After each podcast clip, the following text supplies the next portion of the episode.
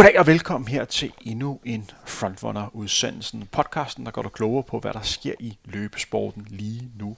I dag så breder vi paletten en lille smule ud og har fokus på, hvad der sker i atletikken. Fordi det var sådan, at for 14 dages tid siden blev der afviklet årets helt store begivenhed, nemlig verdensmesterskab i atletik, som blev afviklet i Budapest. Med mig i mit hjemmestudie har jeg en af de mest atletikkyndige, vi har herhjemme. En mand, som har beskæftiget sig med atletikken i hvad? 50 60 år, kan jeg tillade mig at sige det. Jens BC, velkommen til. Jo, tak skal du have. En kort præsentation af dig. Du er jo blevet 72 år gammel. Man kan ikke se det på dig. Ah, du holder dig godt. Så siger jeg også tak igen. Og så er du øh, atletikkommentator på TV2 og blandt andet spiket verdensmesterskabet en, en del gange. Ikke det års mesterskab, da det blev sendt på, på DR. Så er du tidligere lektor i idræt og historie på Aarhus Universitet. Er det korrekt? Ja. Og så er du tidligere landstræner i mange kampe og har haft forskellige funktioner, også sådan rent idrætspolitisk. Og så er du tidligere eliteaktiv i flere forskellige idrætsgrene. Selvfølgelig atletikken, men også roning, håndbold, volley og basket. Så udover atletikken, hvad for en af de her discipliner, du sådan øh, behersket allerbedst? Ja, det har været roning. Og, og, og jeg startede i virkeligheden som ro, og de andre de kom til ved siden af, da jeg begyndte at læse idræt, og jeg spillede håndbold på forhånd. Men roning var, var fascinerende for mig, fordi det er en af de hårdeste idrætsgrene, der er i forhold til, hvor meget man træner. Men også i forhold til øh, øh, den måde, man arbejder på. Det er næsten ligesom lang distance. Det er kilometer på kilometer på kilometer. Og jeg, vi brugte løb øh, som, som del af træning, og jeg har for eksempel på den 15 km løbet 53 nogen 40 på den 15 km. Det er rimelig hurtigt af en, som ikke er løber. Jeg fortalte dig, at øh, en af mine øh, bedste venner, en der hedder Kasper, Kasper Jørgensen, som er en del af den danske guldfire i, øh, i en del år har haft to OL-guldmedaljer, hører om hans trænings- og træningsiver, de får, har fået trænet igennem de der leder der. Og så også, øh, kender også en del til Eske Hjælpelsen, som øh, personligt mener, han er den dansker, der har trænet hårdest. Det tror, jeg, du, jamen, det tror jeg, du har fuldstændig ret i. øh, og der ligger jo et interessant studie lige i øjeblikket, hvor meget hans krop har ændret sig rent fysiologisk i takt med alderen. Så er det et studie, som du har haft? Øh, Nej, det har jeg. Jeg ved, jeg ved godt, at man har øh, lavet test på ham og undersøgt det, men jeg ved ikke, jeg kender simpelthen ikke resultater, men, men, men det du siger, det er, jeg kan godt forstå det, fordi det er jo øh, Øh, på mange måder lidt en langdistanceløb, men den ligner også cykelløb. Altså, det er jo kilometer i benene, det andet det er så kilometer i overkroppen, og, og øh, nu snakker vi om atletik. Nogle af de bedste idrætsfolk, der har været i roning, de er kommet fra andre idrætsgrene. For eksempel de østtyske roer, som vandt medalje, de kommer nogle af dem fra volleyball. Og det vil sige, at de har været store, altså høje og forholdsvis tunge, og de kunne flytte en masse vand på kort tid. Og så flyttede man, da de blev skadet i volleyball og basket, så flyttede man dem over i roning, og så vandt de medaljer. Jeg bliver simpelthen nødt til at lige komme med en lille anekdote, ja. inden vi kommer videre. det gør. Du kan huske en atlet, der hedder Christian Birk, kan du ikke? Ja. 400 meter ja. Løber. Ja. Der var en fysioterapeut, som vi begge to havde, der hed Anders Madsen, ja. som også var fysioterapeuter for nogle af de, de bedste roer, blandt andet de her sådan guldfire. Ja. Der var en sommer, vi er tilbage i sådan 2005-2006. Puh, nu kommer jeg også til at lyde som ja. en gammel mand. Der var både mig og Christian, øh, vi var, vi var skadet. Ja. Godt være, at vi er tilbage i fire, fordi Christian stoppede sin, sin karriere der. Men vi var så inviteret med til sådan et roarrangement ja. ved Bagsers Sø, hvor ja. vi fik muligheden for at kunne sidde i sådan fire. Ja. Udover at jeg fandt ud af, at jeg absolut ikke styrede det ude på, på vandet, så blev jeg sådan fascineret af, ja. hvor hurtigt det rent faktisk gik ja. på vandet. Men det er ikke det, historien drejer sig om. Historien drejer sig om efterfølgende, så var der sådan 500 meter argometer mm. konkurrence. Ja. Og øh, mig og Christian, vi startede sådan samtidig, at vi skulle køre sådan 500 meter for ja. fuld damp. Ja. Og vi startede sådan begge to. Jeg fandt sådan rimelig hurtigt ud af, at det her, det var ikke var min scene. fordi der var en, der sjælte lidt mere. Ja. Christian var fandme god til det der. Ja. Altså, og det var sådan, at mens han var i gang, så lige pludselig så nærmede sig der sådan 40 mennesker, der stod og kiggede på, mm, på Christian, der gjorde mm, det. Han ja. kom ind på sådan 1.18, 1.19 på ja. de her 500 meter. Ja. Og det var sådan, de her roer stod nærmest og måbede ja. og sagde, det her, det er fandme vildt, man. Kæft, det er hurtigt. Og det var, de stod sådan og snakkede lidt om, hvad, skal han ikke ud i båden og ro lidt? For det der, det var godt, det var bedre end nogle af, nogle af de andre. Ja. Hvor er det? Og det var nærmest sådan efterfølgende, hvor landstrænerne stod overvejet, skal vi prøve lige at få ham ind her andet? Jeg har, det er ikke så lang tid siden, jeg snakkede med Christian om det. Han er faktisk selv den dag sådan ikke så glad for, at han fik den oplevelse, fordi han fik at vide her, at han var et kæmpe talent mm. i forhold til roning. Mm. Om han kunne have nået endnu videre mm. i roning mm. i en løb. Det er ikke til at vide, Nej. fordi det er jo to kilometer, man konkurrerer ja. med. Ja. Og en ting er at være i gang 500 meter, anden være to kilometer. Ja. Men det viser, at han havde forudsætninger for ja. at kunne føre den af sådan ja. der. Altså det, nu skal, vi ikke, nu skal det ikke handle om roning, men det, der ikke betyder noget, det er, om du vejer 10 km mere roning. Altså der har man lavet øh, talentudvikling på dem og søgt talenter for en del år siden.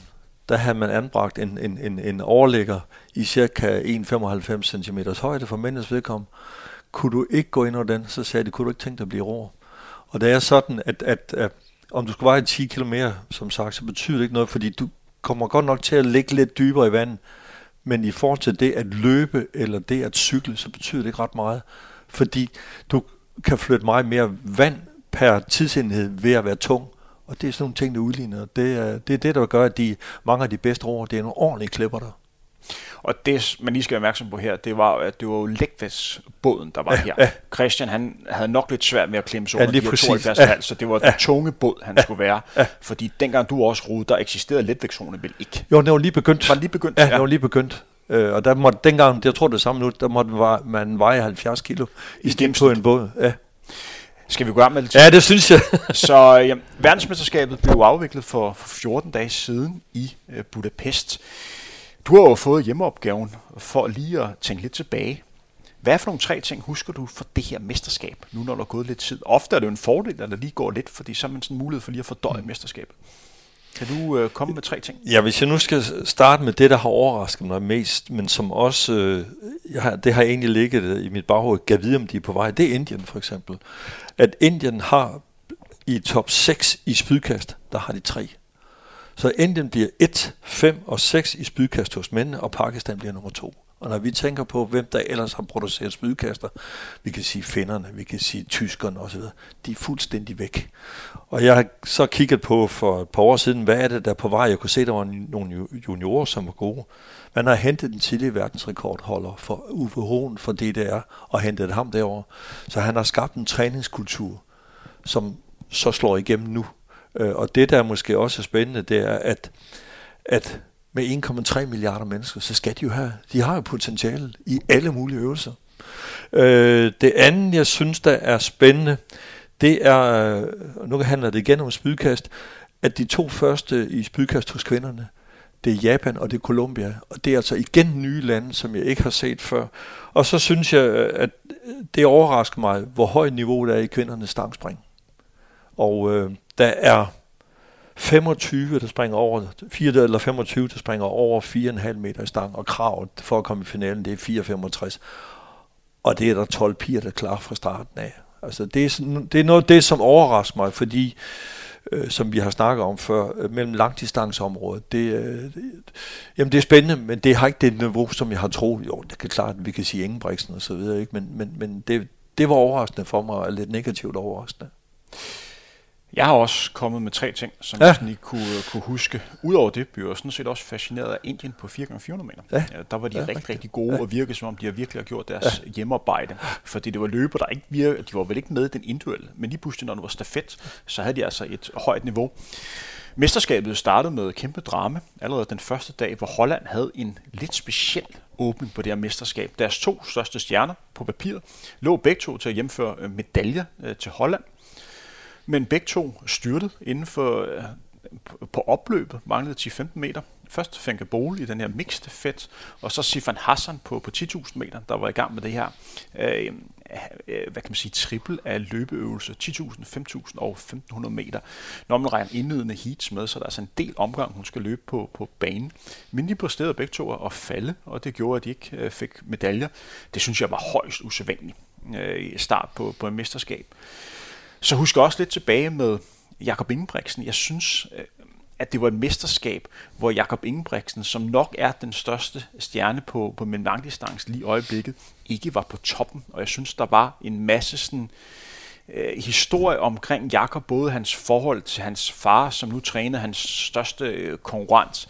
Der var noget, noget sygdom, der var en fuldstændig gentagelse af hans 1500 meter løb, bare med en, en ny skotte, som slog ham på den sidste meter. Her kom han også tilbage på 5000 meter og, øh, øh, og vandt, men virkede ikke på, på toppen igennem mesterskabet. Han laver også en, en jubelscene i, i semifinalen på de sidste 100 meter, som jeg også synes var øh, nærmest lidt usportslig og sådan øh, lidt, hvorfor gør du det nu her, Jakob? Hold dog, hold dog fokus. Øh, så jeg tænker sådan, Jakob som atlet som brand. Øh, det vil jeg nok huske tilbage på, på det her mesterskab, og se med, med danske briller. Så var der også et mesterskab, som jeg husker på Sofia Tøresen. Det med, at du har en, en dansk atlet, som er 18 år, der sætter dansk seniorrekord, og så gav også nordisk rekord med en personlig forbedring på 5 sekunder på en 1500 meter. Det er voldsomt. Ja, det er meget. Det kan jeg ikke lige udenbart huske, at jeg sådan har set før.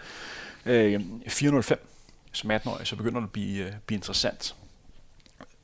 Det her mesterskab, øh, Jens, når du går ind og kigger øh, sådan rent historisk mæssigt, og tager udgangspunkt i det sportslige niveau, øh, tv-dækning og publikums opbakning. Hvor godt var det her mesterskab? Nogen snakker om, at det var måske det bedste verdensmesterskab nogensinde. Er du enig i det? Nej, det er ikke.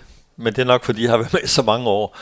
Hvis jeg skal tænke tilbage på et godt mesterskab, så skal jeg helt tilbage til 91. Det er i Tokyo. Men det er fordi, jeg får et, eller vi får en oplevelse af den bedste længdespringskonkurrence, der nogensinde har været, hvor Carl Lewis springer mod Mike Powell. Så det, det er måske lige så meget, og det bliver sat verdensrekord. Det er måske lige så meget, fordi det er nogle enkelte øvelser, jeg så øh, kan huske. Og jeg synes, som tilskuer, synes jeg ovenikøbet, japanerne var mere... Øh, jeg kan ikke sige, om det var kunstigt, der, den begejstring, der var, men jeg, jeg, på nogen måde, så synes jeg, for mig var Budapest bare et traditionelt stævn. Det var ikke sådan, at jeg tænkte, det er unikt det her, overhovedet ikke. Hvad betyder det for sådan et mesterskab, det var afviklet i Europa? Gør det en forskel? Og det, øh, det kan godt være, at jeg bliver negativ, eller ser sådan lidt mere afdæmpet på det, fordi der reaktionen i Budapest er sandsynligvis den samme, som det ville have været i Bruxelles eller andre steder. Altså det er en form for europæisk kultur, hvor, man, hvor jeg tror, at når det foregik i Japan, så er det så sjældent, man har et mesterskab derovre. Jeg ved ikke, hvor meget man ser Diamond League, hvor man kan sige Diamond League, der er jo mange af den type stævner i, i, i Europa. Er vi bare mere mættet, eller er vi bare mere afdæmpet i vores måde at reagere på? Det kan jeg ikke gennemskue, men det samme ved OL i, i, i øh, Rio, der synes jeg også begejstringen var større. Men der havde de også nogle konkurrencer, hvor der var en brasilianer med, som var med til at skabe en, en, en forudsætning for deres begejstring. Jeg synes, vi skulle ind og sammenligne lidt med øh, de seneste mesterskab. Det sidste mesterskab var du selv med til at speake. Ja. Det var verdensmesterskab i Eugene i, i 2022, som er jo atletikkens højborg. Ja. Øh, det er jo der, hvor øh, Nike startede. Det var et mesterskab, man har store forventninger mm. til, men på en eller anden måde nok også blive sådan lidt lidt mærkeligt mesterskab, fordi vi kan nok blive enige om, at publikums opbakning nok ikke var så stor, som man har fået, øh, helt har forventet. Og det er også et mesterskab, hvor man på vej ud af øh, corona, det eksisterede en lille smule lidt, og der var mange mesterskab på en gang, for der var OL før og, og andet. Så går man tilbage til 2019, der havde du det her verdensmesterskab i, øh, i Doha, Doha ja. øh, som man kan diskutere. Rent sportsligt var det jo en succes, rent øh, publikumsmæssigt ja. vil jeg nok være, være tvivlsom for det, som diskutere, om det hovedtal øh, skulle være. Ja. Så jeg tænker, man nok skal tilbage til sådan noget 2017 i London, for at have et mesterskab, der sådan kunne, kunne minde lidt om det. Og der kan du i virkeligheden gå en tand længere tilbage til de olympiske lege i 12 i, i London. Altså, men det... Øh, er det fordi, de har kendskab til atletikken? Er det fordi, de også at det er en del af deres historik, at de har produceret mellem langdistanceløbere i England? Så det, de, de har måske også det kendskab, som gør, at de værdsætter de ting, øh, de ser måske bedre, end, end, end man måske gør andre steder. Jeg, jeg, jeg har svært ved at gennemskue men jeg kan bare mærke, at den stemning var i Budapest, når jeg tænkte, jamen det var fint, men det, det var ikke sådan, at jeg tænkte, nej, det er altid oplevelse, det her. Hvis jeg fik øh, spørgsmålet, 91, der var jeg ikke så gammel. Jeg kan huske den der længdespring konkurrence, ja. øh, mere fordi jeg har set den sådan øh, efterfølgende, øh, fuldstændig legendarisk ja. øh, konkurrence. Men verdensmesterskabet i 2009 ja. i Berlin, ja. øh, der hvor Usain Bolt satte øh, den nuværende verdenskort på 100 og 200 meter, hvor tyskerne også var øh, var gode. Mm. Det kan måske også skyldes, at jeg selv var dernede ja. og se mesterskabet, men der synes jeg, at atletikken spillede. Ja. Det synes jeg var et rigtig godt ja. mesterskab. Ja. Hvis vi har fokus på, på Danmark, så havde vi jo 11 deltagere med. Og facit er, at vi fik en finaleplads og en 9. plads som det bedste resultat. Og det fik vi altså i kvindernes hammerkast til Katrine Kok Jakobsen øh, øh, fra Sparta. Overordnet, var det her tilfredsstillende dansk mesterskab for dansk atletik?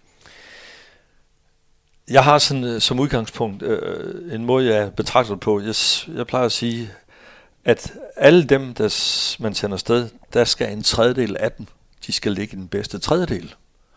Og en tredjedel af dem skal ligge i den midterste del, og en tredjedel af dem, de må gerne ligge i den dårligste del. Og når jeg kigger på det, så er det i hvert fald ikke nogen, det er ikke et krav og en forventning, som jeg har, som der bliver levet op til. men så har jeg også et andet udgangspunkt der her, at hvis man præs, præsterer det, man er udtaget på, så er der jo flere af dem, der gør det her. Så kan man så diskutere, hvor gode er resultaterne i forhold til de heat, det er i. Men det er jo ikke det, jeg skal bedømme dem på. Jeg kan så sige til gengæld, skulle de have været afsted overhovedet. Og det er så tvivlsom øh, øh, på i forhold til, om alle dem her skulle have været afsted.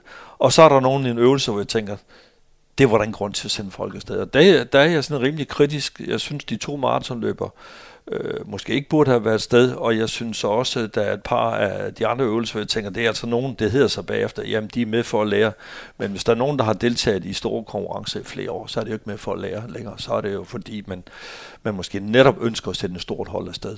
Og ja, undskyld. Ja. Og vi skal jo lige nævne, at en af det maratonløb, du refererer til, det er jo en løber, som stillede op på et, øh, et flygtningehold, og ja. i princippet ikke var en del af de her 11. Det er jo fuldstændig rigtigt. Lad os lige gå igennem, hvem vi har med. Vi havde Anne-Marie Nissen med for, på 800 meter.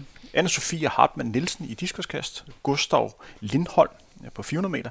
Christian Udberg Hansen på 1500 meter. Sofia Tørsen, som vi nævnte før, også på 1500 meter. Karoline Bunderholm i stangspring. Juliane Hvid på 60.000 forandring. Karen Enrik øh, på maraton. Christine Kok, hende der kom i finalen i hammerkast. Lisa Brix Pedersen i diskoskast. Og Mette Graverskov Aarhus 1900 110 meter hæk. Når man kigger på dem her, så er der jo i princippet vel kun to af atleter, som er vant til at være med, måske endda tre, som er vant til at være med til de her mesterskaber her. Det er jo Mette Graskov, mm. og så er det Karoline øh, Bunde, og så er det, øh, hvad kan man sige, Katrina Kok kan vel også røre lidt under det her. Ja, du kan også Lisa Brix. Hun Lisa har også, Brix, ja. Hun har også været afsted før. Øh, men vi kommer til at snakke mere om status i dansk atletik senere i denne udsendelse. Før vi går i gang med selve hovedsnakken, så skal vi lige lave nogle små koringer øh, hvor vi lige skal gennemgå, hvad vi personligt synes er de, de bedste øvelser, det bedste resultat og den største skuffelse. Jens, hvad synes du er den bedste øvelse ved det netop overståede verdensmesterskab? Ja, nu, nu kommer jeg med noget, måske noget uventet, men det er fordi for mig, at det, at, at, at helt specielt i forhold til din forhistorie, 400 meter, 4 gange 400 meter for kvinder. Og, var og, det, det, og det hænger sammen med... Var det drama til sidst? Ja, det er drama til sidst. Det er Femke Bol, som netop falder, som du siger, på den der mixterfed, og så går hun hen og løber en sidste tur på 4 gange 400 meter, som er helt unik. Og jeg mener, jeg prøver klokken, jeg mener hun er under 48.00 på en, på en 400 meter. Så det er altså, vi er helt nede på nogle tider, som man løb i det gamle Tjekkiet, eller Tjekkoslovakiet hed det dengang, og det der og der ved vi godt, der, der var kostprogrammet måske lidt anderledes dengang.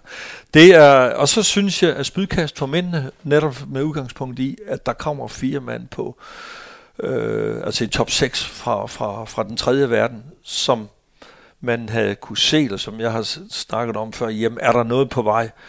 Og så... Øh, så synes jeg, det er lidt sværere. Jeg synes, det er, er, er måske... Øh, jeg har kigget lidt på 1500 meter. Det er netop fordi, her kommer der en ny nordmand, som presser Ingebrigtsen, og der ligger der en historie bagved, som jeg synes er spændende at øh, det er faren til Ingebrigtsen brødren, som nu tjener, eller træner den nye nordmand, som går hen og bliver nummer 4 på 1500 meter. Det er sådan han nogle... nummer 3, undskyld. Han bliver 3. Undskyld, han bliver nummer 3. Ja, ja. Og der er nogle, det er jo nogle få hundreddele af imellem. Hvis jeg husker rigtigt, så er der 400 dele imellem. Det, de, de er meget, meget tæt. Ja, og, og det er sådan nogle, det er måske lidt nogle skæve øvelser, for jeg kunne godt have sagt uh, Lyles og noget andet. Men det var sådan forventet, at han ville få tre dobbelt medalje og så videre. Men, men for mig var det her, det var uventet. Og det kan jeg godt lide. Hvis jeg lige kort skal nævne, hvad jeg synes, der sådan var den, den bedste øvelse. Øh, du havde lidt fokus på, på dramaet og så også ja, lidt det sportslige øh, niveau. Jeg har lidt det samme. Der, hvor jeg synes, at niveauet var højst, hvis vi tager udgangspunkt i, øh, hvad kan man sige, bredden i toppen, så synes jeg, at kvindernes 1500 meter virkelig var et, et fedt opgør. Fremragende, ja. Vi havde atleter med, som har et rigtig, rigtig højt sportsligt niveau nu her. Der er mange kvinder, som ikke bare under 4 minutter, som den er magiske grænse, men er, er langt under. Du har en Kip Egon, som har haft en helt fantastisk øh, sæson, har sat hele tre verdensrekorder. Den første kvinde til under 53, massakrerede verdensrekorden på, på mile, og så også sat verdensrekord på på 5.000 meter efter, efter et løb, hvor det virker som om, at det eneste noget fokus på, øh, det er at vinde selve løbet og slutte mm. af de sidste 200 meter løbe 28 sekunder. Når man kan gøre det, så er man med i tanken. Jeg tror, hun er den første kvinde, der kan under 14 på en 5.000 meter, men det er en anden snak. Du havde også Sifan Hassan med, ja. du havde en øh, god i, og du havde en, en god brite. Du havde et rigtig, rigtig højt sportsligt niveau. De sidste 800 meter kunder på øh, 1.59, det er hurtigt. Sejrtskib i, i 3.54.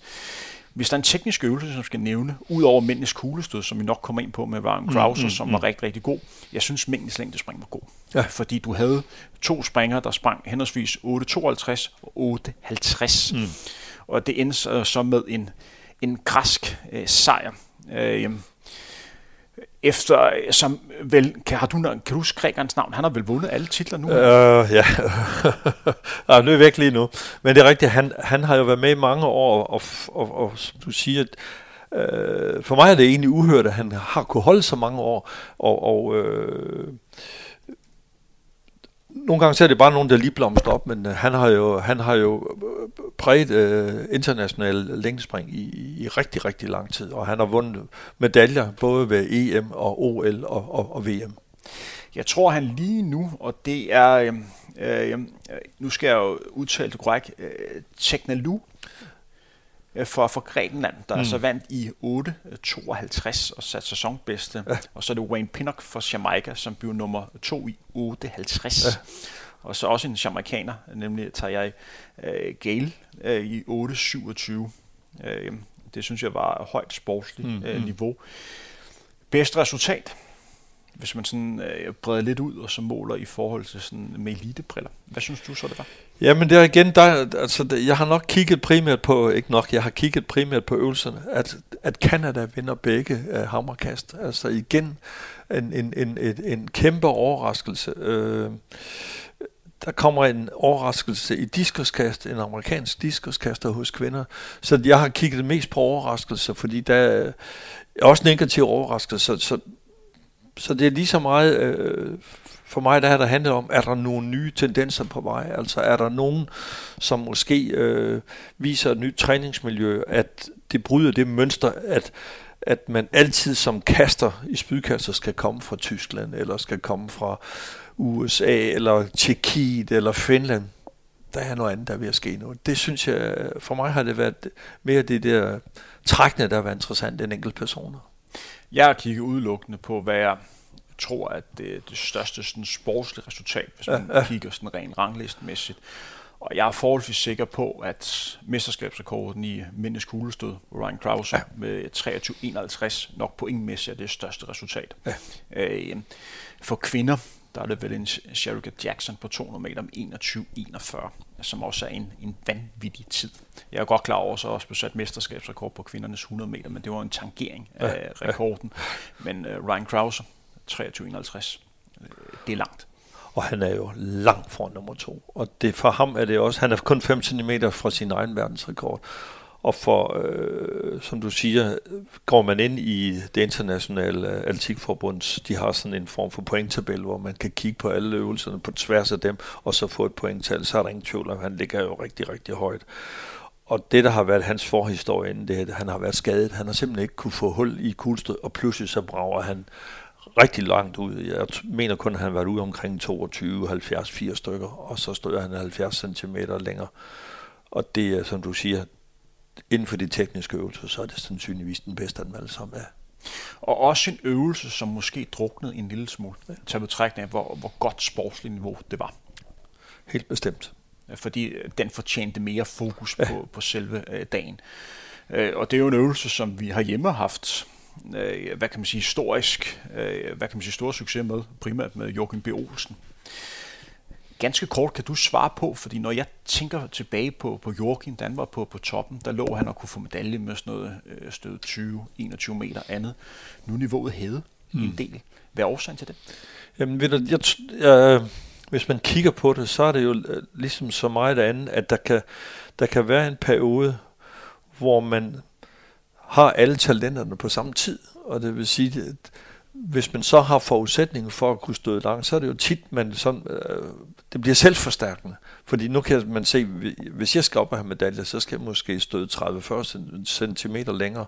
Så kan det jo sagtens være med til at flytte hele niveauet. Fordi de fleste af dem, jeg tror, de har forudsætninger, stort set identiske forudsætninger.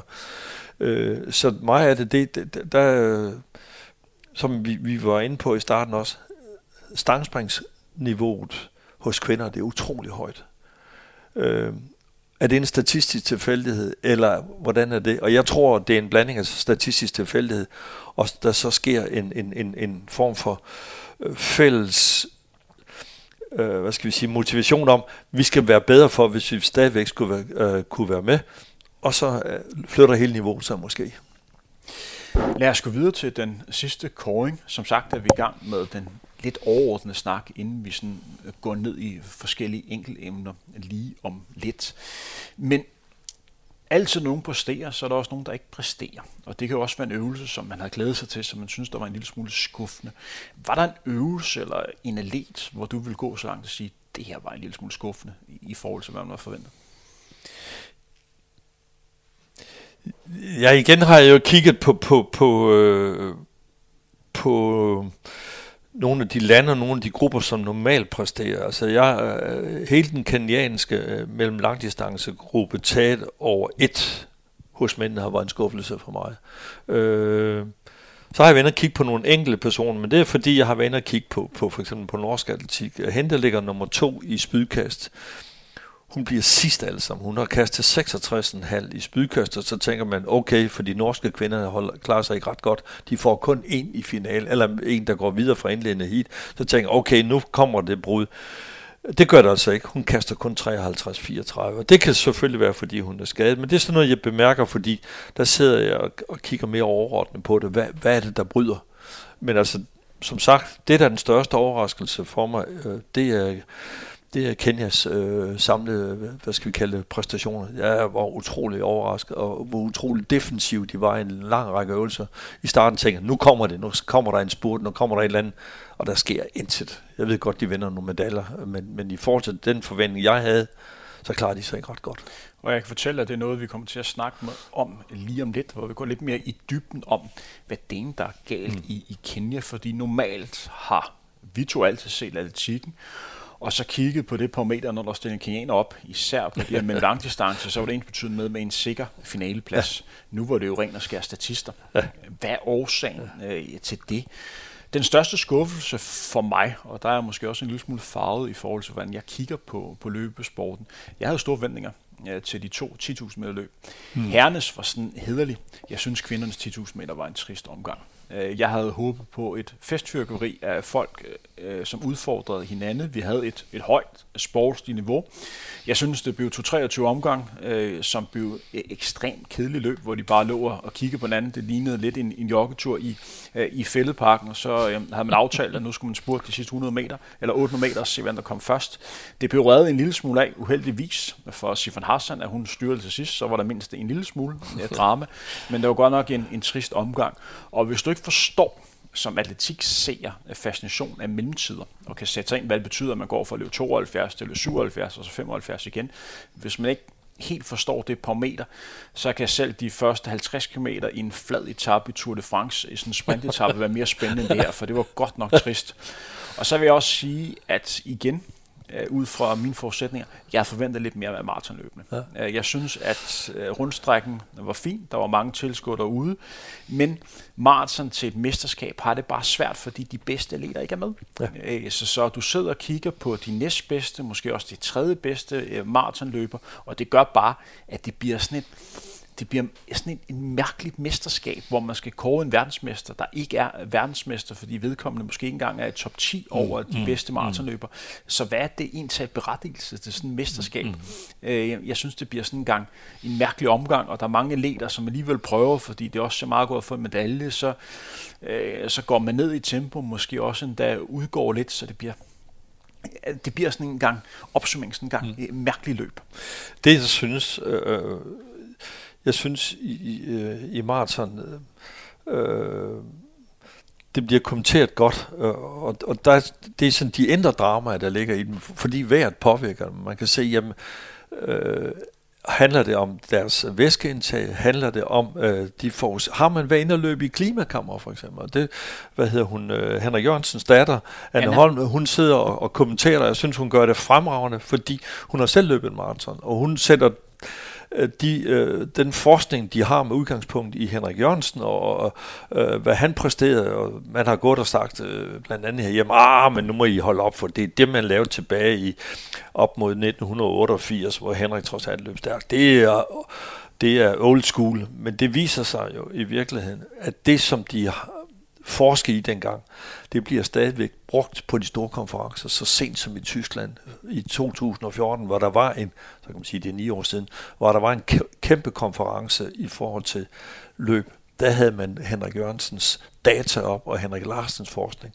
Så det har været noget almengyldigt, man har kigget på. Det synes jeg, hun at den del af det tager hun rigtig godt fat i, fordi hun siger, jamen, hvad hun selv har oplevet, og hvad hun ved fra sin far, både i forhold til hans træningsmængde, så kan man sige, om det var logisk eller ikke logisk, det han lavede, men også af alle de parametre, som man øh, er optimeret på i forhold til ham. Og der sidder jeg og tænker på, når jeg ser der, jamen har I været i klimakammerløb? Det kunne man jo gøre i forskellige luftfugtighed, på forskellige hastigheder. Man ved også, deres altså kulhydratoptag, den ændrer sig på de parametre, men også på hastigheden. Og der sidder jeg og tænker på, ja, her får vi en fortælling om en, der her lader en mellemspurt ind, eller hvad vi skal kalde det. Nu går vedkommende med et brag. Og i forhold til dine 10.000 meter, men jeg, jeg, jeg er fuldstændig enig med dig, fordi Cheptegei som vinder, han har verdensrekord med 26.11. Ham, der bliver to, altså Cheptegei kommer fra Uganda, uh, jeg, hedder han Ebonyao, eller hvad hedder han, uh, fra, fra Kenya, der bliver to på 10.000 meter. Øh, han har verdensrekord på, eller han er verdensmester i cross, og Barregas, som bliver træer, han vinder guld i Tokyo. Så for mig, der er de tre, det er virkelig nogle af verdens bedste 10.000 meter. Men de løber altså over næsten halvanden minut langsommere end verdensrekorden på, på, på hvad hedder det, på øh, 10.000 meter. Men så er det bare en, en anden måde, man løber på, og de ligger jo tæt. Altså, det er jo inden for øh, 1,3 sekunder, de ligger. Så det, det, er en, det er det, jeg, øh, det, skal vi kalde det den indre dynamik, der er i øvelsen, jeg kigger meget på. Og så har du ret i, hvis man kigger på den samlede tid, eller der sluttid, nå ja, det er sgu ikke noget at snakke om. Øh, sluttiden er ikke noget, og, øh, hvad kan man sige, men sådan er det som regel med, med, med mesterskab, især mm. under, øh, hvad kan man sige, godt kan kalde sådan svære forhold, og det er jo, når man løber med høj luftfugtighed lidt over 30 grader, ja. så er det jo hårdt at løbe 10.000 øh, meter. Og tiden er jo sådan set også ligegyldig. Det handler om at komme først. Ja. Min pointe er sådan set øh, bare, jeg synes, herrenes løb kan man forsvare, for der øh, var der trods alt nogle løber, som prøvede noget undervejs. Ja. Ja. Men man, man har 30 kvinder, som stiller op til verdensmesterskab, ja. hvor man formoder, at det her, det måske ikke bare sæsonens højdepunkt, mm. det er højt død punkt død i, ja. i karrieren. Ja. Hvorfor er der ikke nogen, der sådan prøver noget undervejs? Hvorfor ikke prøve at sætte, sætte tempo på i starten? Hvorfor ikke prøve at gå i udbrud? Det kan jo godt være, at at der går taktik i en anden, mm, og man mm. måske kan få en god øh, basering på det andet, i stedet for bare at acceptere, okay, vi er bare statister, vi må bare vente på, at de store kanoner skal afgøre det imellem sig. Jeg har selv været langdistansløber, jeg har også stået den der, og ved at atleterne efterfølgende står med den der smag i munden, der hedder, det her, det var sgu en til. Hvad fanden fik jeg ud af det? Det var ja, ikke særlig fedt, ja, det der. Det, øh, så på en eller anden måde, du er med til mesterskab, vis du er der. Ja øh, være med i selve løbet, i stedet for bare at være, øh, hvad kan man sige, være statist andet. Øh, og i, i, forhold til i forhold til maratonløb, øh, jeg er fuldstændig enig i, jeg synes Anna, hun fik formidlet det rigtig, rigtig godt. Min, min point er jo sådan set bare, at det her det er også et, et løb, som bliver set af rigtig, rigtig mange ja. mennesker, som interesserer sig for, øh, hvad kan man sige, for løbesporten. Og jeg har sådan øh, fået sådan spørgsmål, at det her, det er sådan, hvorfor, hvorfor Kipchoge ikke med? Ja. Hvorfor ham der, den nye løber, som har løbet rigtig stærkt på maraton, hvorfor er det ikke med? Hvorfor er der ikke flere med for, øh, for Etiopien andet? Hvad med de, de bedste europæere og sådan andet? Hvor jeg så siger, ja, men de virker så klar til Berlin og New York og andet, man kan ikke løbe så meget, meget maraton. Men hvorfor løber det ikke verdensmesterskab?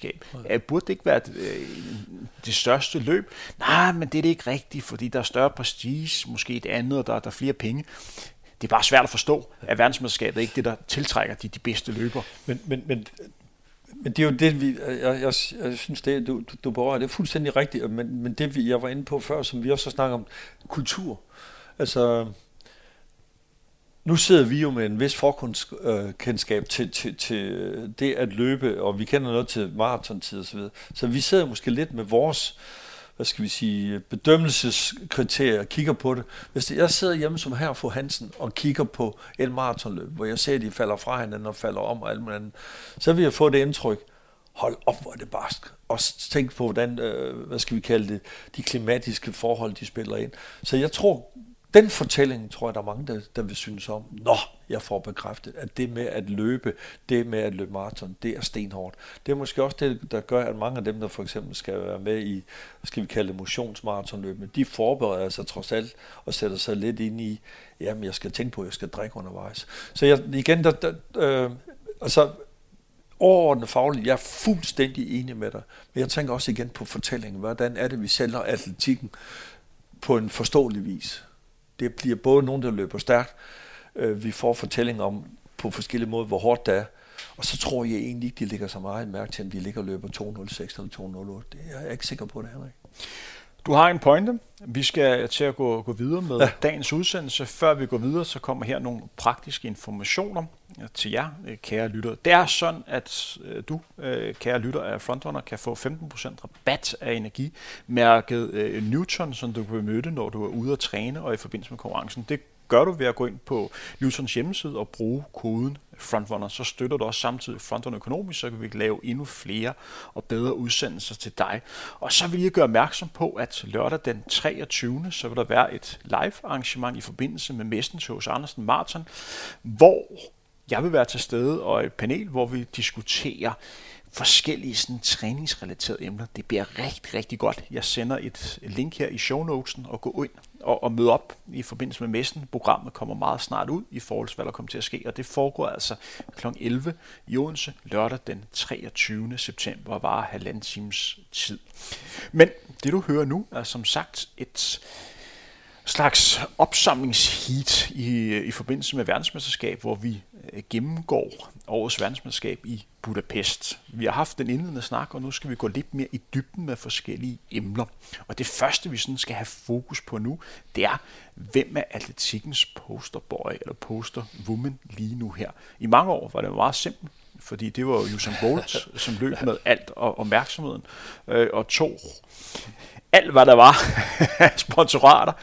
Men når vi kigger på atletikken lige nu, har vi en, en posterboy ala Usain Bolt, og det er noget, vi mangler. Ja, altså jeg har to, som jeg umiddelbart vil pege på, men øh, Jakob Ingebrigtsen vil, vil jeg have peget på. Men vi sad også i starten og snakkede om, at han, han vinder ikke guld på 1500 meter. Det gør han på 5000 meter. Jeg var så inde og læse i, i man undrer sig også i Norge, men så øh, kommer der nogle øh, tilbagemeldinger fra en af de norske læger, som ikke mener, at han skulle stille op. Han har været syg, og han siger, at det, burde, det er virkelig uansvarligt der. Fordi hvis han, og det kender man fra en andre sammenhæng, hvis han går ud og præsterer max, og han har en eller anden sygdom, som belaster systemet, så burde han ikke have stillet op. Og så har han en adfærd, som du også nævnte, da vi snakkede. Han løber rundt og sender signaler til, til, til, til publikum. Og jeg kunne ikke se, om det var et hån, eller om det var fordi, han siger, prøv nu at se, hvor god jeg er, nu skal I huske at klappe. Så, så ham har jeg rykket lidt ned, men den bedste, det synes jeg så, det er Mondo i stangspring. Men igen, Mondo har vi en forventning om, at han vinder hver gang. Og vi har også en forventning om, at han sætter verdensrekord. Her prøver han at sætte verdensrekord. Og i virkeligheden er det måske ikke fair over for ham, at vi har set ham så tit være den klart bedste. Men jeg mener også, at han er den, der måske sælger sin disciplin bedst. Og det, det øh, jeg kunne have sagt Lejles på 100, 200 og 4 gange 100 meter. Øh, men Mondo, han er, han er outstanding, synes jeg. Men har atletikken en person lige nu her, der simpelthen kunne trække? Vi får et flot nyt atletikstadion i Aarhus, der står klar med et par år. Jeg tror, det her i weekenden her, at man, vi må lige sige, at vi optager fredag den ja. 8. september, at vi siger farvel og tak til Aarhus øh, Atletikstadion. Jeg tror, det er 7.000 tilskuerpladser, der kommer på ny stadion, ikke korrekt? Jamen, jeg har set forskellige tal. Jeg tror i virkeligheden ikke, man har forhandlet færdigt. Okay. Der ligger en masse aftaler, som i virkeligheden ikke er på plads endnu. Men lad os tage udgangspunkt i, at der kommer 7.000. Mm. Øh, har vi en atlet nu her, hvor man kan sige med sikkerhed, at der vil være fuldstændig udsolgt, hvis han eller hun kom til landet og stillede op? Jamen, det Fordi tror, vi, vi kan blive enige om, hvis Usain Bolt kom til Danmark ja. i sin velmarksdag, ja så ville det blive udsolgt. Ja, men det tror jeg også, Ingebrigtsen, altså Jakob ville kunne, og Mondo også. Hvis man lavede et felt af stangspringere, så tror jeg, det vil komme rigtig mange. Altså et stærkt felt af stangspringere. Og jeg tror også, hvis man fik Jakob til at løbe 15 eller 2.000 meter, som han skal løbe i aften i Bruxelles, eller 5.000 meter, så tror jeg, det kunne trække rigtig mange. Fordi der er fortællinger omkring begge to.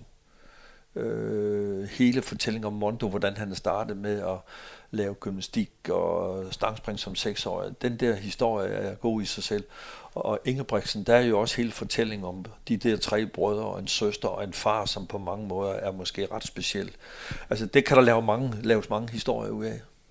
Fordi vi snakker om en nordmand, som fylder 23 øh, senere i år. Mange gange europamester, nu verdensmester, dobbelt verdensmester og olympisk guldvinder har sat verdensrekord ja. i år, blandt andet på, øh, på, på to miles, forbedret sin egen europakort en del øh, gange, prøvede virkelig øh, igennem tilbage i, i 2018, hvor han blev dobbelt europamester ja. i, øh, ved mesterskabet i, i Berlin.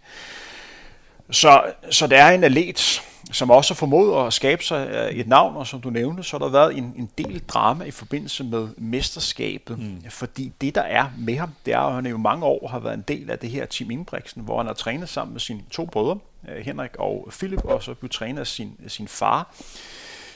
Han bliver ikke længere trænet af sin far, han styrer nogenlunde sin træning selv, i samråd med hans storebror Henrik.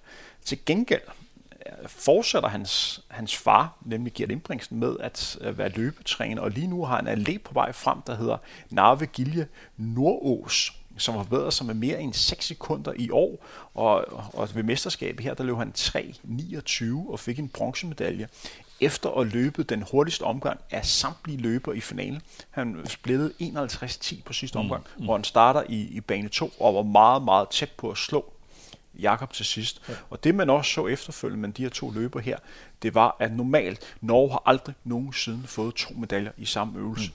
De her, der var ikke noget med at kramme hinanden. De gav lige kort hinanden hånden, og så var det ellers bare væk. Ja. Vi kan hurtigt bene om, at de er ikke de bedste venner, de her to her. Nej, og det er lidt af det samme, fordi man havde et interview bagefter med, med, med, med Jakob. Uh, han tabte jo til Josh Kerr fra, fra Skotland på, på 1500 meter. Og der spørger man ham, hvordan har du det med det, og så videre. Jamen, han havde nogle undskyldninger om, at han ikke havde været fit for fight, og så videre. Og så siger han, it's, it's, it's just another guy, tror jeg nok, han siger. Det her er bare en af de mange, som jeg så klapper til på et tidspunkt, ikke? og det er ikke en, jeg lægger mærke til. Og det er i hvert fald dem, der vil være negative fortolkende, de vil sige, det er da en utrolig arrogant holdning at have, ikke? Og du bliver sårbar, fordi i stedet for at sige, du er et unikt talent, som nu er slået igennem, så vil man sige, hvad er du for en højrøvet løber, ikke? Og, og det, der tror jeg, at han spiller sin kort forkert. Og det vil også være en, som modstanderne vil kunne finde nogle ekstra ressourcer bare for at slå ham. Jeg vil, en ting, som jeg lagde, lagde mærke til, jeg har to kommentarer til, til Jakob. Hvis du sådan har fokus på hans indledende hit der i semifinalen, hvor han laver den her jubelscene her. Ja. Jeg synes, som jeg også nævner, det her var fuldstændig unødvendigt. Mm. Fordi det, der er den store fordel i sådan en hit med at være Jakob Ingebrigtsen, det er, at de andre løber respekt for ham. Ja. Det vil sige, når han bevæger sig i feltet, og typisk ligger han så bagerst, og så det kommer op i felt. Der er ingen af de her løber, der vil være den løber, der fælder Jakob Ingebrigtsen. Så dermed så holder man lidt igen og sørger for, at han får den direkte bane, fordi det her, det er atletikkens stjerne. Ja. Når han gør det her, ja. så bliver de andre irriteret på ham, ja. og så på den måde, så skal han kæmpe ekstra for at komme op. Du åbner ikke lige for, at han kan komme ud. Så det er fuldstændig ja. unødvendigt det her, fordi andre løber bliver irriteret ja. øh, over det. Og hvis du ind og kigger på øh, finalen, det der er Jakobs store force, øh, når vi snakker 1500 meter, det er, at han er i stand til at kunne løbe næsten fire omgange i træk. Øh, mm. Det er jo tre omgange og 300 meter. Stort set fuldstændig jævnt hele vejen igennem. De runder den første omgang perfekt på sådan 55, mm. så går han frem og faktisk sætter tempoet ned. Han er ikke i stand til at kunne holde tempoet, så tempoet går tre sekunder ned, og det er meget, meget sjældent, det sker for Jakob Ingebrigtsen. Og, og derefter, Øh, hvad kan man sige, går han tilbage til de her 5-56 omgange, så normalt for ham, men løbet bliver tabt på ham, da der mangler mm. to omgange, og så bliver det bare en, en gentagelse af det verdensmesterskab, som du selv kommenterede i ja. Eugene, hvor han bliver slået af en, en britte, som sjov nok ligesom som Jack Whiteman, også fra Skotland, mm. nemlig øh, Josh Kerr. Mm. Der er jo en sjov historie, det var til OL i Tokyo i, uh, i 2021, der var tre skotter, øh, med i, i finalen. Det er aldrig, aldrig sket før. To af dem er nu verdensmester efterfølgende. Ham den tredje, han tænker nok, nu er det min tur, om, om to års tid. øh, hvad med sådan en som Carsten Barholm? Har han det skal til til at være sådan øh, en posterboy? Ja, du har fuldstændig ret. Det er jo også unfair. Altså, han er jo, øh, da han slår verdensrekorden, øh, som blev sat i 92 i Barcelona, øh, jeg kan ikke huske, om er han par 20 eller noget den stil der, øh, på daværende tidspunkt. Der er fortællingen, der er han jo, han er jo fremragende. Han har også den, der har den bedste kombination af 400 meter og 400 meter hæk. Øh, han har startet, det er jo det, jeg synes, der er en god historie. Han startede som otte kæmper, altså som ung mange kæmper, og vinder guldmedalje i mange kamp, og går så over og bliver 400 meter hækkeløber. Og han er jo, øh, øh, indtil han, han taber øh, ved verdensmesterskaberne ved sidste år ja, i Oregon. Jeg ved ikke, om han er skadet eller ej, men der pludselig så, så falmer han lidt, men det er jo stadigvæk sådan, han kan, han har det unikke talent stadigvæk, og det har nok været et spørgsmål om, han har været skadet eller ikke skadet. Men igen, om, om man bliver med af de her folk, fordi man nu har set dem så mange gange, jamen det er jo dem, der, der behersker det her. Øh, så, så han er jo stadigvæk i virkeligheden lige så stor som, som øh, Jakob og som Mondo er. Men øh, han tabte forleden der også i Diamond League, altså det, øh, det, er, måske ikke, det er måske ikke en færre øh, målstok, jeg bruger på den, nej. Vi skal lige snakke kort om kvinder, om der er nogen, som der er de store trækplaster der. Men hvad med sådan en som Ravn Krauser? Vi er jo lige blevet enige om, at hans ja. niveau er uhørt højt. Ja. Undervurderer vi kuglestød igen? Ja, øh, det tror jeg, og jeg, du har det med i din præsentation, at det bliver nærmest glemt, når man viser hvad hedder det, det fra de store mesterskaber. For en del år siden, der var der en svejser, så her Werner Günther, som var en af verdens bedste kuglestøder. Han, den bedste serie, der nogensinde er stødt af ham, den er stødt på Aarhus Stadion. Men der havde man forsamlet et felt, hvor fokus pludselig lå på, på, på, på, på kuglestød. Så det er måske også spørgsmål om, hvad er det, man fokuserer på, hvad er det, man bygger stævnen op på, og som, øh, vi har jo ikke penge til at få 5-6 øvelser i gang i Danmark. Men det kunne jo være sjovt, og igen, nu har vi ikke Joachim B., eller vi har jo ikke andre, som på den måde den bedste, vi har, han er oppe i Norge, han er altså tidligere Aarhus 1900, men, øh, men, øh, så, men vi har ikke nogen, som er med deroppe, hvor man står 21,5 eller, eller, eller 22 meter. Så den vil ikke kunne bære i dag, men, men man vil stadigvæk kunne se, når Ryan Krauser roterer, så kan man godt se, hvor hurtigt sådan en gut, som vejer måske 130 kilo, han er. Det er jo imponerende i sig selv. Hvis vi har lige har fokus på, på kvinder, om der er nogen, der sådan er de store øh, trækplaster der. Altså, det er jo oplagt at nævne sådan en som Finkerbo Bode øh, på øh, 400 meter hæk. Jeg må lige nævne, at den nok så store favorit ikke stille op på grund, af, på grund af en skade. Det var ikke sikkert, hun havde vundet alligevel. Hun stod af med at løbe en meget, meget fascinerende sidste tur på, på 4 gange 400 meter. Der er også den 200 meter løber, som vi snakker om før, Shannon Jackson. Ja. Så har vi den dobbelte vinder, Fate Kipiegon, som har haft en helt fantastisk sæson. Og så har vi også en atlet, som jeg lige vil fremhæve, nemlig Sifan Hassan, der altså stiller op på tre forskellige øvelser. Jeg nævnte før, 500, 5.000 og 10.000 meter. Det, man skal have fokus på hende, det er, at hun vandt altså London Marathon Altså, i, øh, i april måned. Og nu går hun altså tilbage og er med i tre øvelser på verdensmesterskabet, og hun skal løbe Chicago Marathon i starten af oktober. Jeg kan ikke huske en atlet, der har så altid talent. Fordi en ting er, når man først vælger at satse på maraton, mm så er træningen så specifik, ja. at man skal have fokus på det. Hun formår altså stadigvæk at være med på de absolut sidste meter på en 1500 meter. De løber, hun løber stadigvæk under hun, det går, hun vinder ikke. Hun får stadig bronze, men løber stadig under to mm, på de sidste mm, ja. 800 meter. Ja. Så har du altså stadigvæk en speed. Ja. Så hendes rækkevidde som løber, det er rigtig, rigtig imponerende. Altså jeg tror, som hun selv har håbet på, hun kunne blive mester. Jeg tror godt, hun har kunnet. Altså det, jeg kan ikke helt gennemskue, om de støder benene sammen, da hun falder, eller hvad der er, der sker. Det, jeg, jeg, jeg, har ikke set det nok i slow motion, så jeg kan se, hvad der sker. Jeg ved ikke, om du har, har kigget på det, men hun ligger jo til at vinde den. Altså, øh. jeg, jeg er usikker. Da jeg så det første gang, der virkede som om, hun, at hun blev, blev fældet, men øh, hun gjorde ikke rigtig noget. Øh, hun, Bro, hun brokkede sig nej, ikke efterfølgende. Ikke. Øh, så på den måde, så tænker jeg, der er sikkert ikke, øh, ikke sket noget, eller så, så turde den ikke at, at ja. gøre det. Det var altså i 10.000 meter, hvor hun ligger og spurter med, med Segai ja. for, øh, for Etiopien. Så jeg synes, det var lidt, øh, lidt, lidt specielt der. Men nogle af de kvinder, som nævnt her, har de det, der skal til for at kunne fylde et stadion? så, så, skulle vi have, så skulle vi have fat i Jerry Richardson, som du var inde på før, som vinder 100 meter og øh, er med til at vinde guld for amerikanerne på 4 gange 100 meter. Hun har også en eller anden udstråling, som gør, at hun er interessant. Men om hun har den der Usain Bowl-effekt, som jeg, jeg tror ikke, hun kan fylde stadion. Hun kan ikke, jeg tror heller ikke, at der vil komme mange for at se hende, men jeg, det, det har hun ikke i sig. Jeg tror, Femke Bol, hun vil, øh, hun vil bedre kunne det, end, end Jerry Richardson, uh, Richardson ville kunne. Ellers så skal det være Sifan Hassan. Hvis vi går lidt videre, så fokus på Noah Lyles. Ja. Han øh, vandt verdensmesterskabet på 200 meter ja. i 2019. Vandt også i, øh, i 20, øh, 22. Nu vandt han for første gang også verdensmesterskabet på 100 meter han gentog sin sejr på 200 meter, så vandt han også stafetten, hvor amerikanerne for en gang skyld kom godt igennem øh, øh, på stafetten uden øh, problemer. Når man kigger på, på Noah Lyles, så har jeg alligevel det indtryk, at det her det ikke er den ubetingede hurtigste mand i verden lige nu her. Har du den samme opfattelse? Ja, ja, det, ham har jeg da også ambivalent med, men det er fordi, han har talt sig selv op, og andre har talt ham op. Og det han gør, da han kommer hjem, så lægger han sig ud med de amerikanske basketspillere. Altså hele NBA-gruppen øh, udfordrer han ved at sige, at når man snakker om basket i USA, så er det hedder det verdensmesterskaber, selvom det er nærmest kun er klubmesterskaber.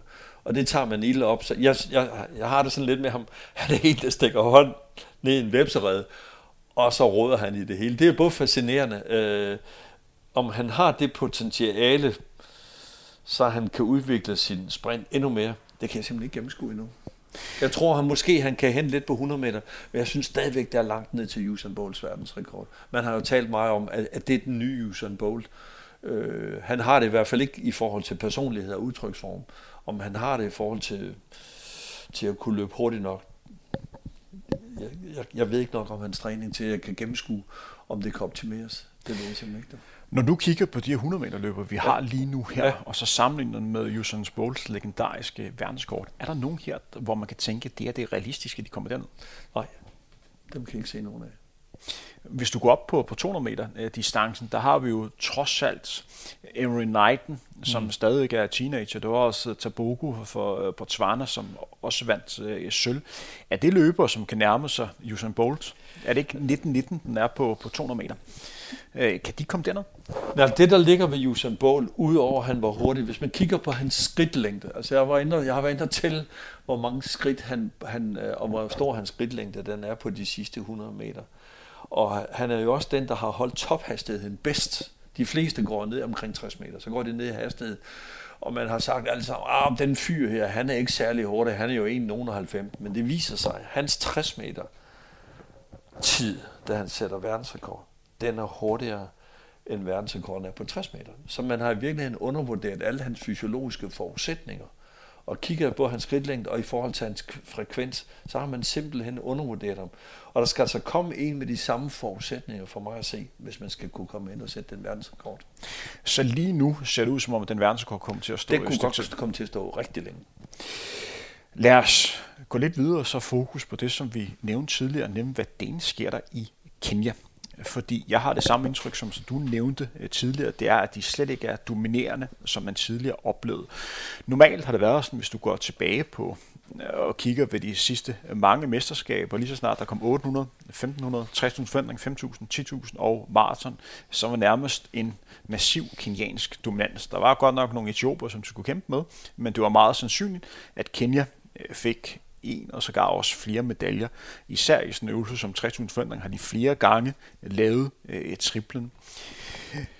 Men alligevel har man sådan en... Øh, de ender med, med tre guld ved det her mesterskab, alle i, øh, i kvindeøvelser, men alligevel står man med et billede af, at de har haft et, et skuffende mesterskab. Mm. Vi snakkede lidt om det, inden vi trykkede play, og du nævnte også tidligere, hvad det sker der lige i mm. øjeblikket mm. i, med Kenya? Og vi var også inde på det før. Der er ingen tvivl om, de har haft, og har der måske stadigvæk problemer med, med doping. Altså, og hvorfor er de nået til doping? Øh, og, og, og, at man har haft de store problemer med det. Og, og øh, min påstand, det har været, at i og med, at Uganda dukker op, og Etiopien dukker op, så har de ikke haft markedet alene. Det vil sige, pludselig får de nogen, som har nogle forudsætninger for at løbe lige så stærkt som kenianerne.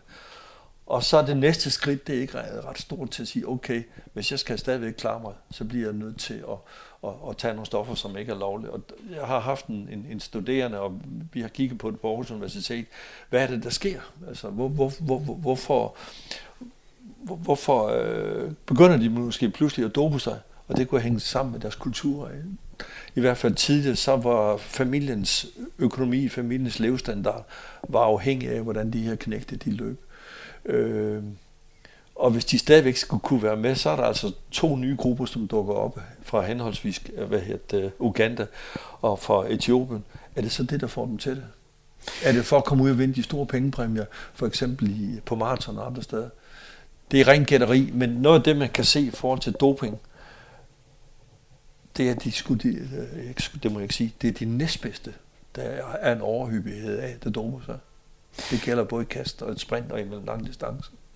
Fordi du tager udgangspunkt i en øvelse som mændenes 1500 meter, mm. hvor man typisk har set, at øh, Kenya øh, får medalje, eller i hvert fald være med helt fremme og have de store favoritter.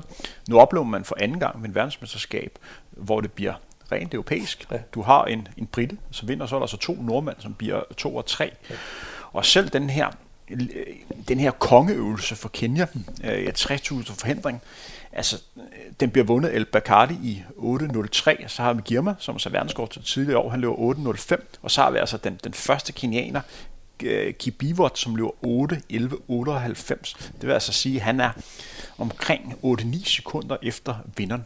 Det er det, man på en 3000 meter øh, kalder man for tisk. Så de er, altså, det er de, de, de er langt efter her. Ja. Og igen, hvis du kigger på, på mændenes 800 meter, ja. vi har jo det Rhodesia, som vi har verdensrekorden, så har vi også vores dansk-kenianer, Wilson Kipketer. Kenya har vist flere gange, at det er sådan en øvelse. Øh, de mester. Øh, de vinder godt nok øh, sølv med en ung løber, øh, Vanjonini, men derudover har de ikke flere løber i, i finalen, og de virkede sådan utrolig passive i indledende, og nærmest ventede på, bare på, at de blev slået ud. Ja. Altså det, det, vi var lidt inde på det også, inden vi, vi gik på. Øh, på Tyskland bruger man udtrykket de zweite række. Er det de næstbedste, man stiller med? Er, er det fordi de... Øh, kunne der være det med doping? Er det fordi, man allerede begynder at have kig på, på, på øh, de olympiske lege til næste år? Eller er det fordi, man tænker på, at der kommer Diamond League, hvor der er flere penge i? Altså, kan de ikke holde toppen så lang tid? Der er jo massevis af, af, af spørgsmål, man, man, man kan stille, men øh, det var uventet for mig, at de på den måde falder igennem, som du nævnte for mig i starten. Det er jo defensivt, det de ligger og løber. De venter i virkeligheden på at få tæsk. Og det er, altså for deres selvforståelse og deres egen fortælling om, hvor gode vi er, det må være et kæmpe stik lige i underlivet at jeg giver op på forhånd nærmest. Altså det, der chokerer mig mest, det er, jeg jo godt klar over, at når vi kigger på mellem langdistance, så den blevet endnu mere globalt. Ja. At du har endnu flere lande med, der kan gøre sig gældende, fordi der bliver også slået stærkt i Nordamerika, der bliver også slået stærkt i Oceanien og, og, og i Asien og andre steder i Afrika. Men det med, at de atleter, de, de stiller op, hvor man kan se et, de virker nærmest uengageret, mm, mm. og nogle af dem virkede sågar også en lille smule dårlig form. Altså virkede ja. som om, at de ikke var på deres, øh, deres topniveau, øh, hvilken undrer mig meget, når man tænker på, hvor stor er talentmasse, mm, og bare mm. det at kvalificere sig til mesterskabet i Kenya, plejer at være rigtig, rigtig svært. Og plejer jo nærmest være sådan lige med et europamesterskab, mm, mm. bare for at få komme med. Så det var virkelig noget, hvor jeg tænkte, det her, det ser, det, det er sgu en lille smule mærkeligt. Ja. Øh, hvor det er sådan svært at komme med den præcise forklaring på det. Fordi det, man også skal med i det, det er jo, at hvis du sådan breder ud øh, til landevejen anden, er du jo stadigvæk kenianer, som ligger og løber rigtig, rigtig stærkt. Talentmassen er jo stadigvæk stor, men på, på mesterskabet her, der var altså nogen, der, der faldt igennem mm. af en eller anden årsag. Og det, der, det, det er jo det, der man kan godt begynde at lave noget forskning eller noget undersøgelse på det, men det er jo svært, fordi man kan ikke gå ind og måle på motivation. Altså der er nogle af de ting, hvordan skal du måle på det?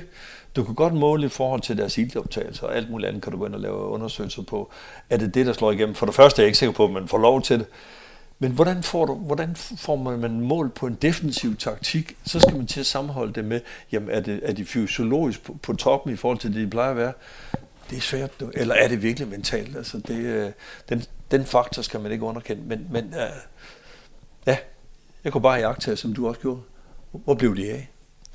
De var i hvert fald utrolig passiv. Vi må se, hvad der sker, især i forhold til øh, næste år, hvor der kommer OL i Paris. Som sagt, atletik har været en lidt speciel størrelse efter corona lukkede det hele ned, for der havde OL i øh, hvad kan man sige, 2021, ja. så har du verdensmesterskabet sidste år i Eugene, og nu har du sågar også verdensmesterskab i 2023, og så er der OL næste år.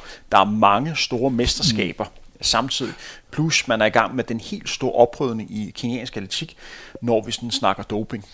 Der går ikke en uge uden en ny atlet bliver, bliver taget, desværre, kan man sige. Men samtidig også positivt, at dem, der snyder, mm. bliver taget, så man forhåbentlig kan få en, en lidt renere sport.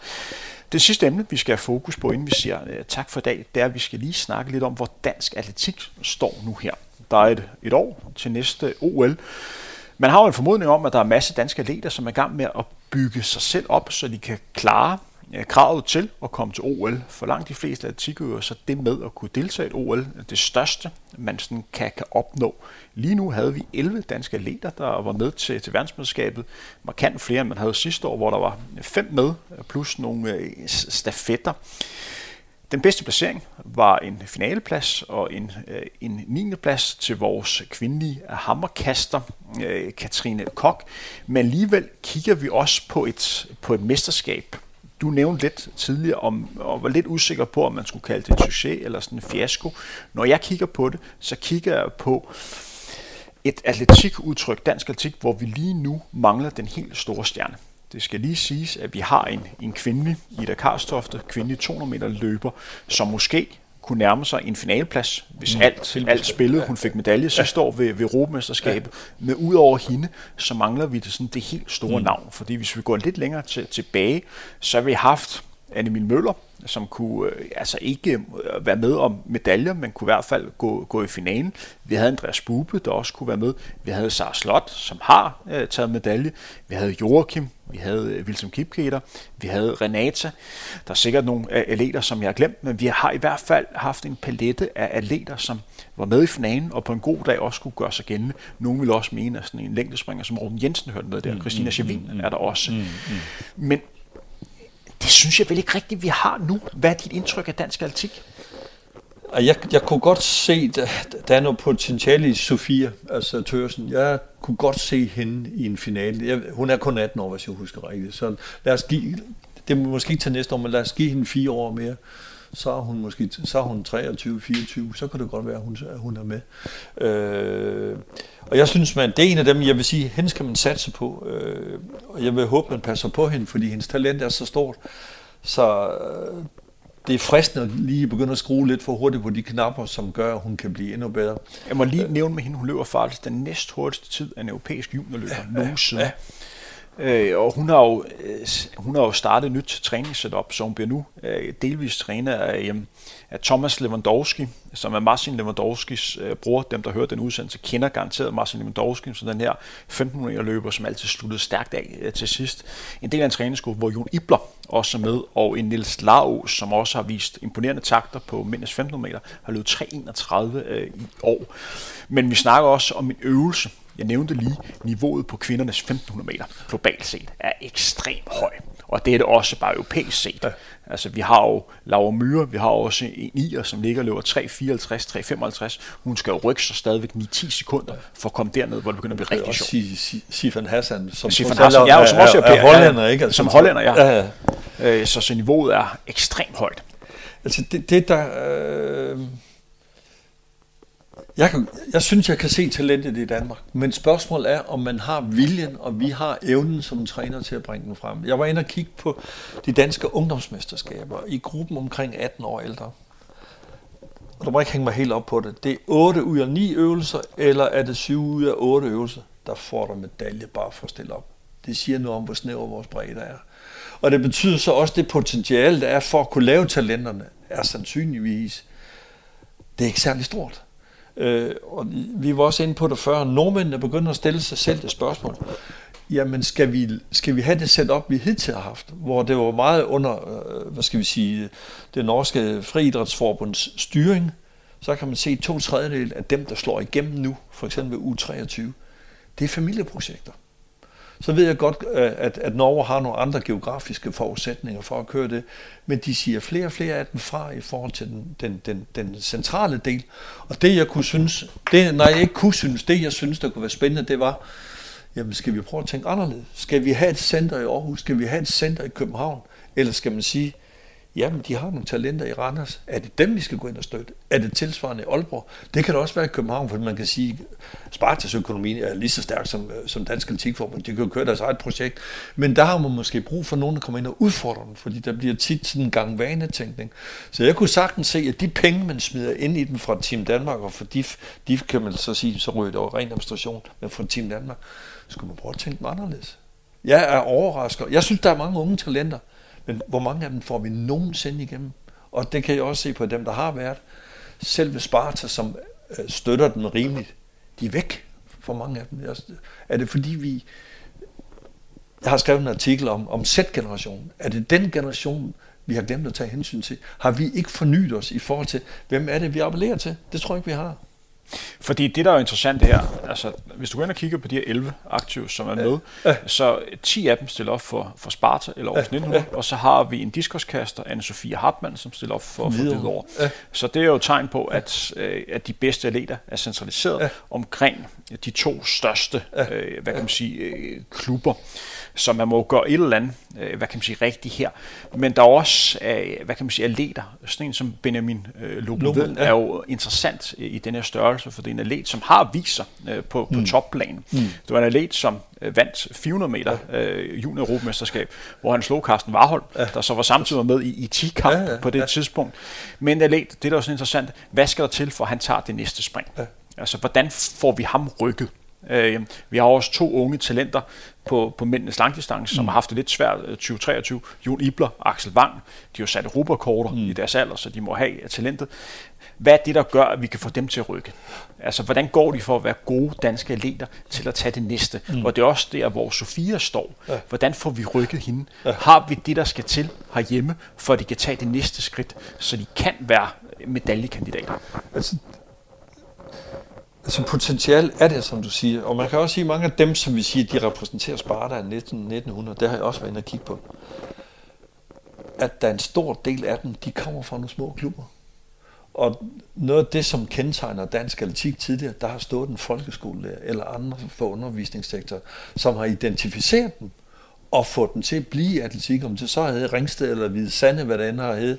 De er så for eksempel Mette Graverskov, Hun kommer ud fra Hvide Sande, og endte i øh, Aarhus 1900, med Hulsgård, og at endte et andet sted. Og der, der er mit spørgsmål også, at vi for hurtigt til at centralisere dem i de to klubber, eller andre store klubber, i stedet for at sige, jamen, hvis I nu, nogle af dem, altså øh, øh vi har en øh, tidligere kuldstød, som er op fra Sæby, Kim Christensen, som først har været i, i, i, i øh, Aarhus 1900, så har han været i Sparta, så har han været i udlandet og træne. Han siger til mig, da jeg havde en snak med ham for nylig, ja, hvis han havde kun, var han blevet i Sæby. Og det er måske nogle af de sammenhæng, vi skal til at tænke anderledes. Om ikke andet, så prøver jeg at udfordre folk på, jamen den model, vi har brugt hidtil, skal vi prøve at tænke den anderledes, eller i hvert fald snakke om den rigtige, så vi kan bringe de talenter, vi har, frem. Det er jo en interessant øh, snak, men hvis vi sådan holder fokus på OL mm. næste år, hvis vi kigger på den palette af atleter, som vi har med med mesterskaber, og dem, som ikke var med, men sådan øh, periferien. Mm. Blandt andet vores øh, kvindelige 200 meter, Ida Karlstof, ja. og også øh, Benjamin Lobo Vend. Har vi en oplagt kandidat til at gå i finalen næste år, tror lige nu her? Ja, ja Katrine i, øh, i, i Hammerkast. Er der andre end hende, hvor man tænker, det vil nok være tilfældet her? Altså Mette Graversgaard vil jeg tro når til en semifinal, og Ida kan hedde semifinal eller, eller finale. Øh, så begynder det at knive for mig, og jeg vil ikke med... Øh, så, så det vil sige i forhold til forbund, fordi vi beder begge to, at Danmarks Idrætsforbund til Danmark ja. har fokus på top 8 placeringer. Ja. Så den oplagte top 8 placeringer er der ikke lige nu her. Ja, så skal det være Katrine Kok i hammerkast. Hun har kastet så langt. Jeg tror, hun har, hun har kastet 74 øh, 22, og hun ligger sådan, så hun kan godt være i top, altså i top 12 og komme i en finale. Jeg tror stadigvæk, hun kan udvikle sig. Jeg, øh, de, vores kaster, de underpresterer lidt, synes jeg. Bortset fra Katrine Kok, som trods alt kommer, hun bliver nummer 9, det skal man ikke underkende. men de oplagte, dem ser jeg ikke. Altså, det er nogle, de, jeg tror, de skal overpræstere lidt for at gå i en finale. Men hvis de ligger og kommer i en semifinal, så vil sige, så har de bestået. Så er de med. Så, så der, hvor danskerne ligger lige nu rent niveaumæssigt, det er ligger og have fokus på at komme med til ja, mesterskabet, ja. og så på en god dag måske gå videre for indledende heat, og hvis de overpræsterer helt, lige få det yderste, og så komme i finalen. Ja. Så det er der, hvor vi ligger lige nu her. Ja. Og så kan man kigge lidt misundeligt mod Sverige og Norge, og så tænke, der kunne vi også godt tænke at komme ind. Ja. Altså nordmænd, nu kommer jeg fra mange kampe. Nordmænd har to knægte for sit liv, som har lavet omkring 8.600 point. Og da jeg lavede 10 kampe på landsholdet, der kunne vi banke. Vi, vi slog Belgierne, vi slog Holland, vi slog englænderne, vi slog Italien, og vi kunne også slå Norge. Så stærk var vi dengang, og vi er røvernøgler i dag. Og det hænger os, vi, har træ, vi træner ikke systematisk, vi har ikke de træner, der kan hjælpe os. Men nordmænd og de andre, de har fået sat det i system. Det er helt vildt. Vi kæmper lige om med kanadierne. Kanadierne har altså to af verdens bedste 10 kæmper. Der er sket så meget. Fordi vi kigger altså frem imod et, et mesterskab, som ja. bliver afviklet næste år i 2024, hvor der samtidig også er Europamesterskabet. Ja. Og vi ved begge to, at for, for danske atleter, hvor der er Europamesterskab i et OL-år, det er måske ikke den aller dårligste kombi. Fordi det kan jo være der, hvor man har mulighed for at måske få en lidt bedre placering, end man sådan umiddelbart mm. burde, mm. fordi der er nogle atleter, som måske prioriterer en lille smule anderledes. Ja, og ikke kommer med. Og ikke kommer med. Ja. Og det kan være til danskerne øh, forskel. Ja. Til aller sidst, fordi vi er ved at skulle lukke ned, fordi vi har en, en deadline. Vi er jo stadig i gang med en atletiksæson, som kører og vi optager fredag den 8. september. Er der nogle ting, når vi sådan kigger på resten af året, hvor du tænker, det her vil jeg rigtig gerne se? Vi er jo ved at være færdige, men der er jo trods alt øh, stadig lidt. Jeg kan jo nævne, at vi blandt andet i år skal have det øh, første sådan, verdensmesterskab i gadeløb, hvor at, øh, det bliver afviklet i nogle af de baltiske øh, lande, hvor vi sætter dansk hold, der skal konkurrere i, i, i mile, 5 km og halvmarathon. Og det er altså i starten af oktober. Jeg skal nok komme ind på det øh, senere. Men hvis vi har fokus på det, der sker på banen, er der ting, som du lige vil fremhæve? Ja, altså jeg har, der er en øvelse, som jeg tænker på i første omgang 2000 meter i aften, Diamond League i Bruxelles, der får vi et nyt opgør, godt nok på 2000 meter i stedet for 1500 meter, hvor det bliver rent norsk, tror jeg, og, og, og, og hvem der bliver nummer 1 og 2 på den 2000 meter. Der kan vi se om Ingebrigtsen, han har et land, han skal betale tilbage eller hvad der sker. Og det er jo Nordås og Jakob Ingebrigtsen, som du, som du tænker på. Jeg mener, at Jakob har løbet 4.51 på, på den distance. Så ja, altså, det bliver spændende. Det passe, han har verdensrekorden? Han har ikke verdensrekorden. Han har ikke verdensrekorden. Han har verdensrekorden, men har, ja. jeg tror, han tog Europakorten øh, ja. under de her coronastævner, der var i ja. forbindelse med, øh, med Business Games. Jeg kan huske, at man lavede et setup, hvor de tre Ingebrigtsen-brødre, mm løb imod øh, Chariot-brødrene øh, i Kenya, der ja. løb i Eton samtidig. Øh, de tre norske brødre, må lige siges, løb under betydeligt bedre forhold, for det blæste helt sindssygt dernede, men der kunne man altså se under, det virker også sådan fuldstændig som om det var foregået for tusind år mm, senere mm. her, men det var på det tidspunkt, hvor der ikke var særlig mange mennesker samlet, så du havde de her tre brødre, der løb alene på Stadion, og så er der de her tre kenianer, som lå og løb i, i Nairobi oppe i højderne i, i massiv regn andet, og så startede de samtidig, og så kunne man sådan følge med i det. Og det var også der, hvor at Lebanese sprang stangspring i sin egen have. Altså, det virker fuldstændig skørt, men det er jo, det er jo tilbage i 2020. Jo, men det er lidt sjovt også, for det er en sjov måde at, at, at, at, at lave konkurrence på, altså hvordan man bliver kreativ. Ja, så, så, men det er jo atletikken bare for, for tre år siden. Men ja, det er en 2000 meter, som jeg vil anbefale, at man sådan ser, og når I hører den udsendelse, så har I måske allerede øh, set den. Men Jens, vi er ved at lukke af. Tusind tak, fordi du vil gøre lytterne klogere på, på atletik. Ja, jeg siger tusind tak, fordi I måtte komme. Jeg synes, det har været spændende, for vi kommer rundt i mange hjørner af atletikken. Det du hørte var altså et nyt afsnit af Frontrunner, hvor vi har fokus på det netop overståede verdensmesterskab i øh, atletik. Mit navn er Henrik Thiem. Jeg vil gerne sige tak, fordi du lyttede med. Kan du have det godt, indtil vi høres ved igen.